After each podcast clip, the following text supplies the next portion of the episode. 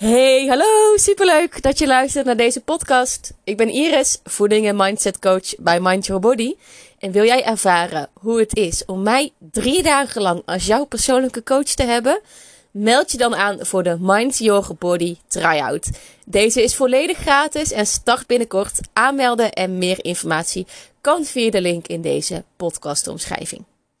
En vandaag wil ik het met je hebben over de invloed van jouw dag want dat heeft meer gevolgen dan je misschien nu nog denkt. Want herken je dit? We beginnen de dag super fanatiek. Want we hebben ons voorgenomen om dit keer goed voor onszelf te zorgen. Om uh, gezond te eten. Want ja, we willen tenslotte afvallen. En misschien ook wel de 10.000 stappen te zetten. Nou, vol goede moed begin je aan de dag met een gezond ontbijt. Helemaal klaar voor de dag. Je, je voelt je als een superheld. Uh, je begint met yoghurt, granola, twee stuks fruit. Nou, dik voor elkaar. Maar vervolgens gaat die dag niet zo zoals je graag had gewild. Dat hebben we allemaal wel eens. Je bent druk, je wordt overvallen door to-do's. De kinderen lopen te zeuren, je krijgt een vervelende opmerking of noem maar een reden. En dit is ook precies wat de dames tijdens de try-out merken. Dat dit ook gevolgen heeft voor je eetkeuzes die je maakt gedurende de dag. Want je hebt altijd als je opstaat een bepaalde verwachting of een bepaalde to-do-lijst in je hoofd. Maar als dat niet lukt, om welke tegenslag dan ook, dan kan het zijn dat je gaat snijden, dat het misschien een eetbui triggert, of dat je meer gaat snoepen dan dat je graag zou willen. Uh, er komt een bepaalde onrust bij je vrij. En ik noem dit heel even voor het gemak emotie eten. Eten is de snelste vorm van ontspanning. En als jouw dag anders loopt dan, dan dat je gepland bent, hè, door wat voor reden dan ook. Hè, misschien dat je aan, uh, um, aan je haren getrokken wordt door je collega's. Van hé, hey, hallo, dit en dit en dit moet nog gedaan worden. Misschien ben je niet fit, ben je moe, heb je slecht geslapen of wat dan ook.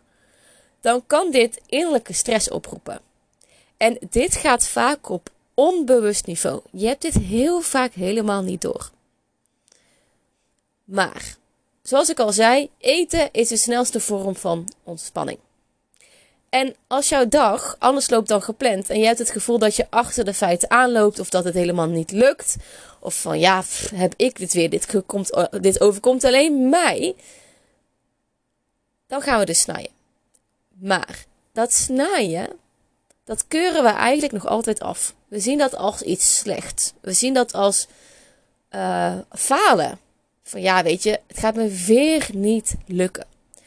Nou, dit komt vooral door de dieetwereld waarin we zijn opgegroeid. Je hebt tientallen diëten gevolgd en die zeggen ook, nou dat snijden, daar moet je mee stoppen. Want dat is de reden waarom het nog tot nu toe niet is gelukt om af te vallen.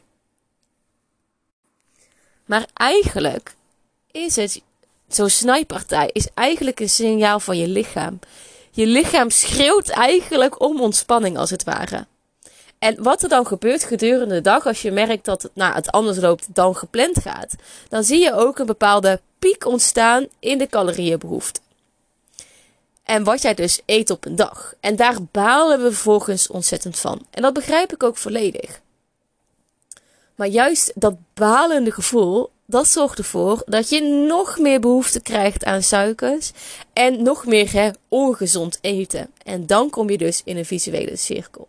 Maar wat ook kan ontstaan, is dat je zo druk bent dat je eigenlijk vergeet te eten. Nou, die dag uh, maar heel weinig calorieën eet, misschien maar 8 of 900 calorieën. En vervolgens, als je s'avonds dan thuis komt, een enorme hongerklap ervaart. Nou, wat is een hongerklap? dat is eigenlijk dat je dan thuis komt en overvallen wordt door het gevoel: ja, ik moet nu eten. Ik heb zo'n honger, anders val ik om.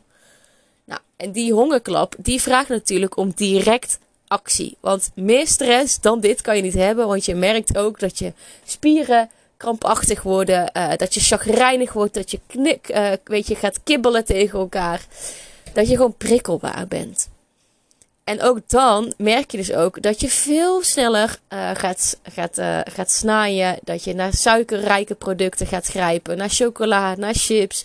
Ja, weet je wat, laten we eerlijk zijn. We pakken dan niet heel snel een wortel erbij. Tenminste, als je onder zo'n spanning staat van ik moet nu eten. En daarom is het dus heel belangrijk om eigenlijk te kijken: hé, hey, wat gebeurt er eigenlijk op een dag? Nou, hoe ik dat doe in de try-out is in de eerste dag gaan we een voedingsdagboek bijhouden.